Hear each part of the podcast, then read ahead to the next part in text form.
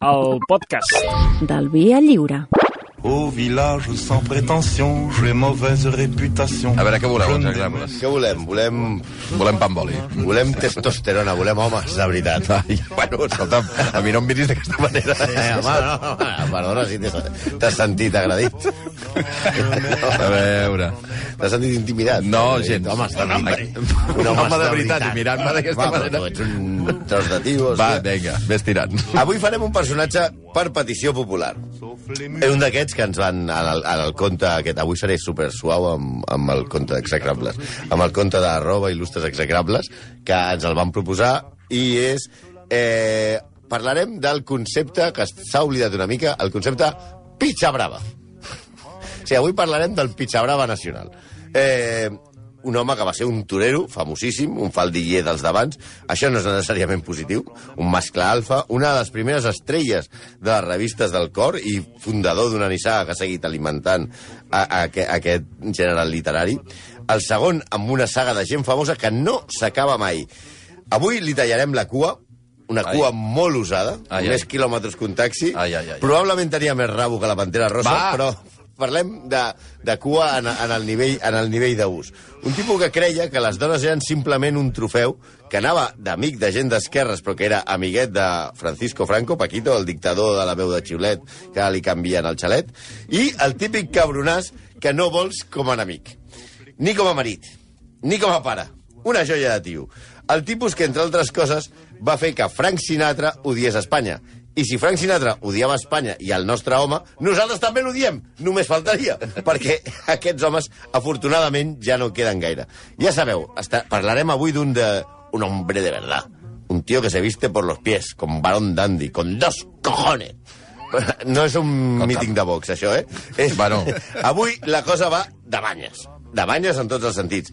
I li donem el cop de gràcia i el descabello a Luis Miguel González Lucas, més conegut com Luis Miguel Dominguín. Oh, Ja, comences a. Ara estàs content, mira quina bona música, però Sí, per home, què està posem bé. això? Perquè no podia faltar la broma de Plácido Dominguín. Vinga, home, va, va, va. Bueno, doncs aneu, Dominguín aneu a fer punyetes. O sigui, la música, sort, sort de la música. O sigui, aquesta música només l'has posat per poder dir Plácido Dominguín. Exacte, Clar, perquè va, va. havíem passat també Do Dominguín de Resurrecció, teníem tot. I fins tot Dominguín Castaño. el nostre execrable Ju- Juan Dominguín Perón. Bueno, és patillero, ja, ja ho sé, però aquestes coses te les has de treure de sobre perquè si no se't queden a dur a dintre i després ja sabes, trauma. Bueno, comencem. Comencem pel nom. Luis Miguel, Miguel González Lucas. No hi ha tan sols Domingo, a nom ni cognom. Ah, misterio! Eh? Però al seu pare li deien Dominguín, perquè el deia Domingo, i que també va ser torero i empresari taurí. Un home de veritat, dels d'abans. Des que ara anirien amb Pere Reverte a Casa Lucio. Sí, però no deixem el pare, que marca molt el nostre personatge. Però començarem pel, pel pare. Per començar, aquest senyor, si aquest senyor no neix, el pare, no existiria ni Lola, ni el Lectures, ni el Tomate, ni el Sálvame, ni res de res. A veure, òbviament, perquè el tio, us ho explicarem, és el pare de Luis Miguel Dominguín, l'avi de Miguel Bosé i de Paola Dominguín, l'avi de Carmina Ordóñez, de peu i, i, i en posició de firmes. Vinga. Besavi de Fran Rivera Ordóñez, de Cayetano Rivera Ordóñez i el fill de José Coronado. Aquest tio tenia un semen amb paparazzi incorporat. Noi, noi, eh... No cal, és que no cal. Ha dit semen, no li fa... Bueno, Va! El, el, el, Sí, el, hi ha un dia que dic semen i no que fa. semen, joder. El pare, Domingo Dominguín, que sona una mica com a Sábado Sabadete, eh? Pels de l'ESO, això és Nois, un sagrament Domingo Dominguín, matrimonial en desús. Prou. Bueno, el pare, el pare Domingo Dominguín va ser, va ser també torero, iniciant aquesta nissaga que segueix en els tres dies, però després es va fer empresari taurí, molt important. Vol dir que organitza corrides de toros, no que, no que fa empreses on els toros fan feines. però eren els anys de la pobresa i també van passar èpoques com de penúries, no? Segons els experts, aquests períodes de fam van forjar el caràcter de Dominguín. El caràctin de Dominguín. El caràcter Prou. de Dominguín. No sé jo. No crec que ho passi tan malament. Tot i així, hi ha una anècdota que denota, denota el caràcter d'aquest pare. Sí, la- l'explica Andrés Amorós, Andresín. Amorosín. en un llibre que du per No us títol... puc suportar, eh, El, el, llibre, eh. el llibre de la biografia que escriu Andrés Amorós, no sabem mm, molt bé, si ens pots ajudar, si és a favor o en contra de Dominguín. Es titula Luis Miguel Dominguín, el número uno. Bé, sembla bastant crític, però bé, és igual.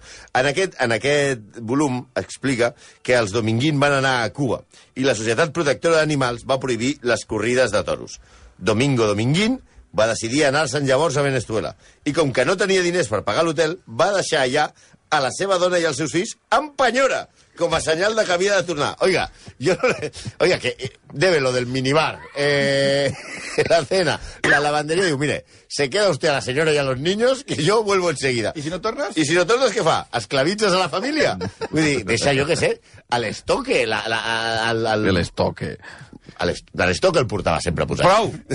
No, No però clar, puc més amb vosaltres. Ai. La, la, la veritat és que Domingo Dominguín va ser un geni en aquest fenomen ara molt, molt de moda, que és treure profit dels teus fills. Els tres fills havien sortit toreros. Mm. I es va fer un llançament de màrqueting impressionant per l'època que estem parlant. El gran es diu Domingo Dominguín. Això, això dels diminutius del món del toro, Paco Paquirrin, Domingo Dominguín, suposem que el pare de Jasolina es deia Jesús i que el fill d'Espartacos era Espartaquín. Això és molt ben curiós. Però bueno, aquest diuen Dominguito... Chamenquín. Aquí li diuen Dominguito Dominguín, que efectivament sembla un personatge al Chavo del Ocho. I té Tu no talent... pots ser Oh, el tu Chavo no, del Ocho. Tu no pots anar a matar un toro i dir-te... I, I ara te mata Dominguito Dominguín. No, no, me no, me jodas. jo el toro bé, perdona, què fas? Parece, parece que... No, i aquest Dominguito Dominguín també té talent, però ho deixa aviat i tot afiliar-se a la falange Molt acaba sent molt amic de Jorge Semprún Oh. i vinculat al Partit Comunista. Aquest és com el, com el bohemi. Com el seu pare, es fa empresari taurí i, i té, qui, qui té de... Com es diu? Apoder, bueno, ella s'ha apoderat i té a Curro... De protegido. A, a, a de protegit. Té a Curro Romero i a Miguelín. Miguelín. No, no sé per què no es diu Currín, també, no? Currín Romerín. I, I la seva vida l'explica el seu fill, vull dir que és el, el net del primer Dominguín, que també té de nom Domingo. O sigui, el llibre es deia Dominguines contra Dominguines. Hola, soc Domingo Dominguín, fill de Dominguito Dominguín i net de Domingo Dominguín. I he escrit un llibre titulat Dominguines contra Dominguines. Ai, no puc més. És que imagina't que el liu que devia ser quan trucaves a casa amb el telèfon fixe, que pels de l'ESO és un aparell que et permetia a la teva mare sentir les teves trucades des del supletori, quan estaves trucant a casa, des del menjador de casa, intentaves convèncer una noia per anar a sortir a, a menjar unes palomites, i tu truques i dius, està Dominguín, diu, el padre, el hijo, o el abuelo, o el tio, o la mare que els va parir, collons, que tots us dieu igual. Joder, que no pot ser, hòstia. I una mica també és el que passava amb l'acudit aquell de que està Alfonsín, el president d'Argentina, diu que se ponga su padre. No, ei, tornant al tema. Entre tant, Dominguín, hem de posar aquesta cançó obligatòriament. Avui la sala... Sunday. Ah. Pensava dir que la selecció és esplèndida de moment, però clar... Ah, és Torero, Bloody, Sunday. Ah, no ho pilles? Mira, escolta, Bueno, no, no mi... el més, Esteu al nivell tan, nivell tan sota terra de fa dies que no... el més petit dels fills... És que a sobre, perdoneu, hi ha una cosa que ha passat en les últimes hores, que és que eh, un personatge a Twitter que té més de mig milió de seguidors, que es diu Dios Tuitero... Sí, Dios. Home, és Déu. Va, eh? És Déu. És Déu, el Déu de, de, de Twitter, no? Sí. Uh, S'ha comprat el llibre dels execrables i ho va explicant. Bueno, no s'haurà comprat, l'haurà Bueno, imagino, o, perquè és Déu. o l'haurà creat perquè és Déu. Eh, però, efectivament, clar, ara esteu amb aquest nivell i clar, Gràcies. ara ja podeu fer una mica el que us doni la gana. Gràcies. Gràcies, gràcies a Déu. Sí, sí, gràcies a Déu, sí. Però Va. em count. Bé, prou. En el Dios. Prou. Vull dir, eh, el més petit de tots els fills de 15 anys, Luis Miguel, tenia molt talent que és el que serà el nostre protagonista. I acaba raptant el gran Manolete a Madrid, allò amb un desafiament, i, fa, i quan ell surt a la plaça fa el gest a, a, amb el dit dient jo soy el número uno. Així, el aixecant l'índex, Però, no? però super sobrat, eh? Vull dir, allò, tipus Gerard Piqué, eh? Vull dir, ha nascut una estrella mediàtica. Ara aniria a la Resistència, amb els acudits cutres del Broncano, a l'Hormiguero, aguantant les capullades de Pablo Motos.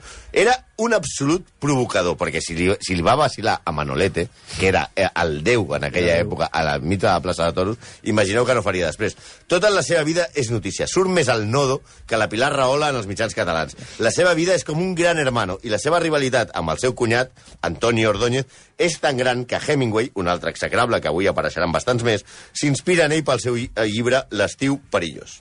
La dirección de Lidia corre a cargo de Luis Miguel Dominguín.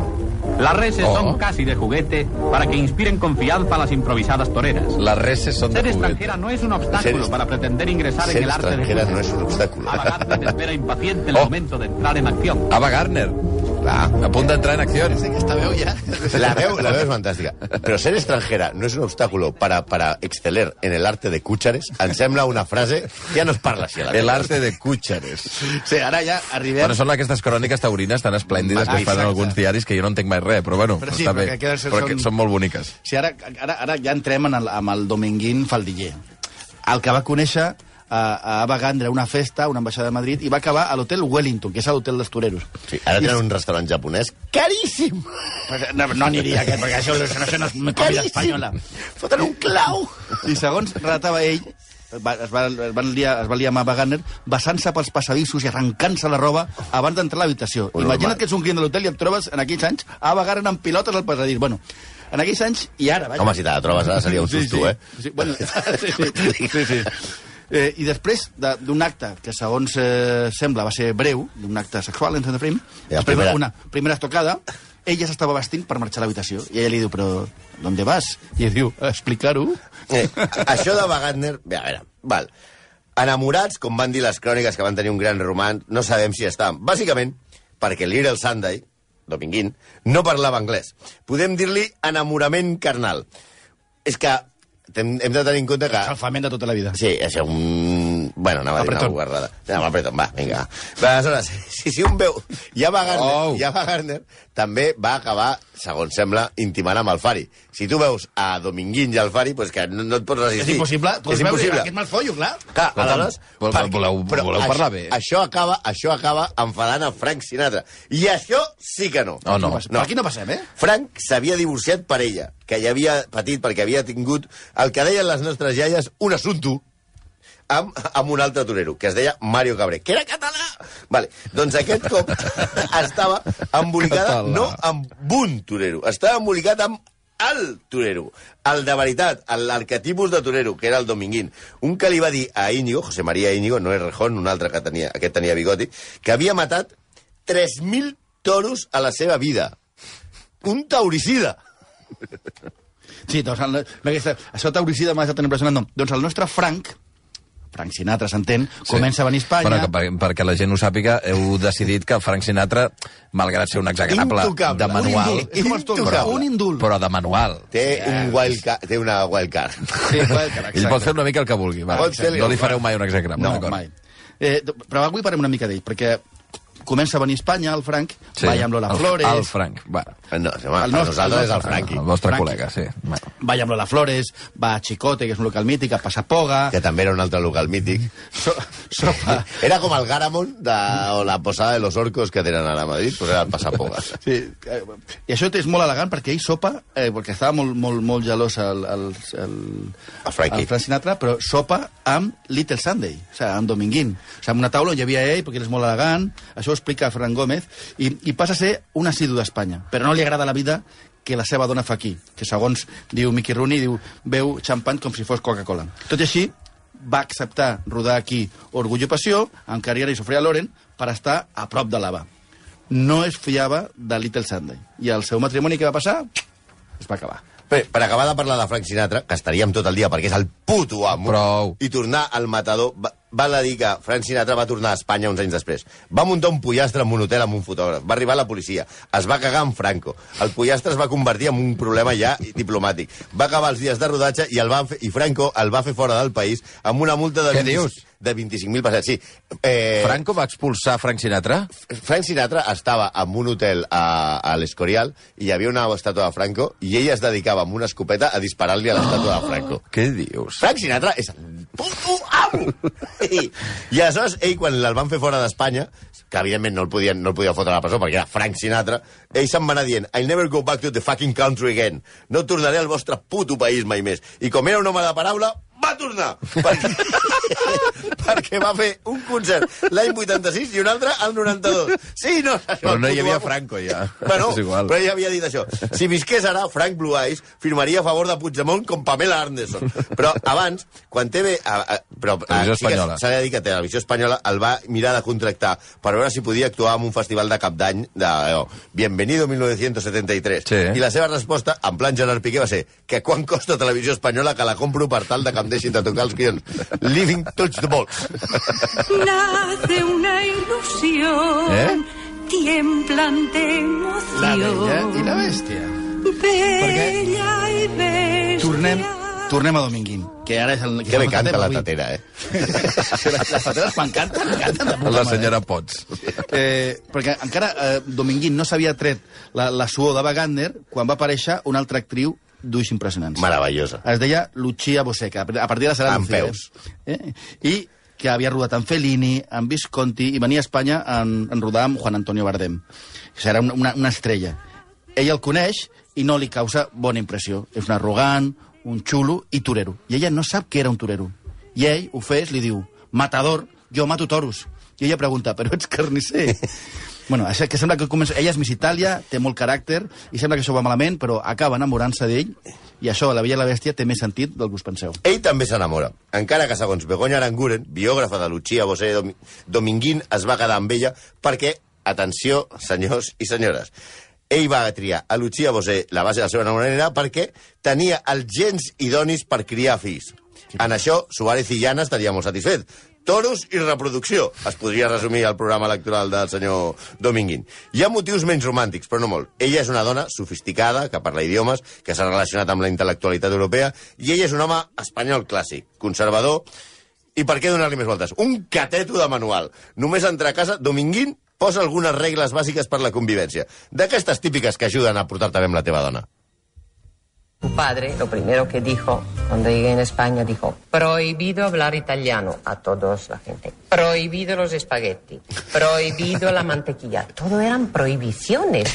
¿Dónde me he metido con trogloditas? Aquesta que sentim és Lucia Bosé en una entrevista recordant el dia que va entrar a viure amb Luis Miguel Dominguín. Sí, la comida española. O sea, dir, que cuando quiero ir a un Estos espaguetis, què són? Menjar exòtic. Sí, jo tinc un amic, de veritat, que quan li dius, vamos a... L'altre dia em va dir, diu, vaig anar a dinar a un restaurant exòtic. I vas anar a un tailandès, un indi, no, un italià. O sigui, el Dominguín era això. Vull dir, ella ho va definir com una presó d'or, perquè, evidentment, Dominguín feia el que volia a, a, a l'època, no?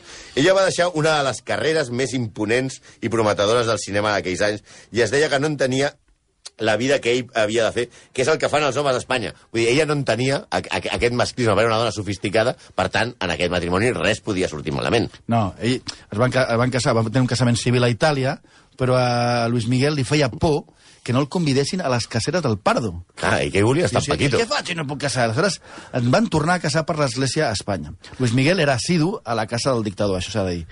I aquesta era la vida social que li esperava a, a, a Lucia Bosé. Sí, canviar Molt- Visconti per Franco és una cosa Sí. que no, no, no passava desapercebuda. molt, molt ministre, molta, molta casera, otoe franquisme... Vaja, una vida idílica, si et dius Santiago Abascal, clar. Pero dije, no, mamá, para ti, pero será para siempre, para mí no.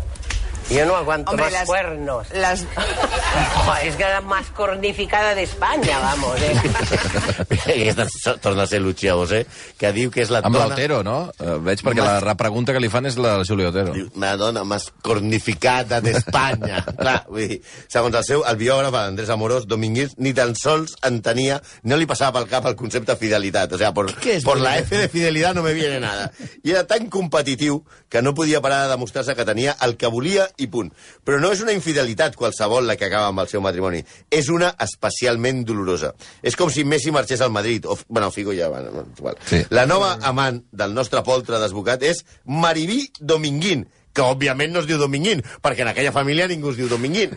vale. Però sí que és la cosina de Luis Miguel, l'home que conqueria tot el que s'havia ficat... Al... Que conqueria tot, que s'havia ficat al llit amb Ava Gardner, Robbie Schneider, Maria Félix, Lauren Bacall, Annabella Power o, atenció, Ira de Fustenberg, que és una senyora. Qui és Ura de Furstenberg? Era, una, una, una noble, però tu no et fas, al- tu no te'n vas al llit amb una tia que es diu Ira de Fustenberg, perquè això és una dominatrix absoluta. Es diu Ira i de Fustenberg, que et posa el cul com un bebedero pato. Prou, prou, prou, prou, prou, prou, bueno, prou, Bueno, prou. I ell es va ficar al llit a, amb la seva cosina, i dic ficar-se al llit com a eufemisme de ficar altres coses. Prou! Home, per favor. Clar. Ostres, tu.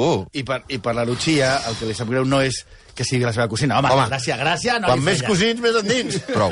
Fins aquí. El que, els De de debò. és, el, el que li fa mal és que l'havien tingut a la cosina aquesta a casa com una, com a Maribí Dominguín com una filla. O sigui, Woody Allen. Ser un Woody Allen. Va ser un escàndol nacional, de fet. Eh, els Dominguín van segrestar la revista en què hi havia una foto del Dominguín en la seva cosina. Eh, Dominguín, vostè, eren una mica com els Brangelina d'avui, i de, de, de, de l'època. No? I aleshores, al país en què no existia el divorci, la Lucía aquesta, amb aquest caràcter, decideix que se separa i es queda els nens. I punt, tot un escàndol. O sigui, ca- cada dia que part de faldiller, les seves amants i xicotes de, de 2000 Dominguín van tenir un mal final. El seu primer amor va ser Cecilia Albéniz, neta del músic. Va morir jove, amb un accident de cotxe. Després va ser nòvio d'Àngela Pérez de Seoane, filla del duc de Pino Hermoso. Pino Hermoso em sembla meravellós. Que és com un cagarro perfecte. Noi! És un perfecte. No, Pino Hermoso, un pino és un arbre. Ja està. Pino Hermoso. Prou. Bueno, va, ell, ella va fugir amb ell, que era molt jove. Inacceptable, això. El van denunciar i la cosa va acabar malament, que gairebé acaba la presó. I després la més tràgica. Miroslav Stern, que segons sembla es va suïcidar quan va saber que el torero es casava amb Lucia Bosé. Això per no esperar i veure que s'havia lliurat, que l'esperava sempre fins al final del partit, senyora. El, el fet paradoxal és que aquest xuloputes, Prou. amic del Franco i dels seus sequassos, tenia un munt d'amics d'esquerres i intel·lectuals eh, que estaven tots fascinats per la figura del torero. Tenia Hemingway, Cocteau, Ortega i Gasset... Aquí he posat tres punts perquè el Santi feia la, la, la, la broma de quin dels dos. I un execrable de No llibre. anava a dir Cocteau, eh, el comandante Cocteau. Jacques Cos... Jack Cocteau. Eh, un execrable de llibre, del nostre llibre, Sí. Picasso. Sí. Eren superamics. Era com un tio pels nens, pel Miguel Sí, Bosé. també, també, també eh, Michael No- Jackson era un tio per Ja, no deixo jo a la meva filla amb Picasso ni, ni haver-li donat abans una, una ampolla d'embromur. Sí, però eh, la relació amb Picasso es, va, es, es, es barlava perquè van aparèixer les gelosies. Sembla que Jacqueline, que en aquell moment era dona de Picasso, estava gelosa de Lucia Bosé. I l'amistat es va acabar. Això sí, els Bosé, cada vegada que tenien problemes amb Hisenda, venien uns quants quadres regalats per Picasso.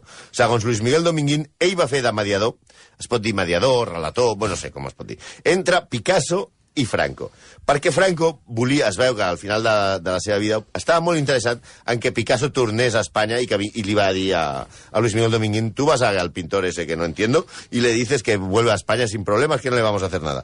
Però Picasso no, no va voler. Segurament va passar que per, per tenir un venut a la plaça l'havia agafat Dalí i no feia falta un altre. Sí, Luis Miguel Dominguín encara es va casar una altra vegada amb el loro Rosario Primo de Rivera. Aquest tio que és una boda de José Mare Antonio. de Déu. A Espanya! Que amb una dona alliberada ja havia tingut prou. Coño! Prou. Hijo del capitán Trueno, que fue un hijo digno del padre. Aquí ja Miguel Bosé ha explicat la seva relació. Nunca fui un hijo digno del padre. Perquè va ser, no va ser un pare exemplar. Entre les corrides de toros i les altres, no va tenir temps pels altres, pels seus fills. Li molestava molt que el seu fill portés malles, faldilles, es maquillés i cantés Super Superman. Segons Rosa Villacastín... Super Superman. Ell volia un xavalote viril, tipus torero, i no un cantant. Fins i tot, fins i tot li va fotre un dia una bronca Luis Miguel Dominguín a Picasso perquè disfressava a, a, al petit Miguel.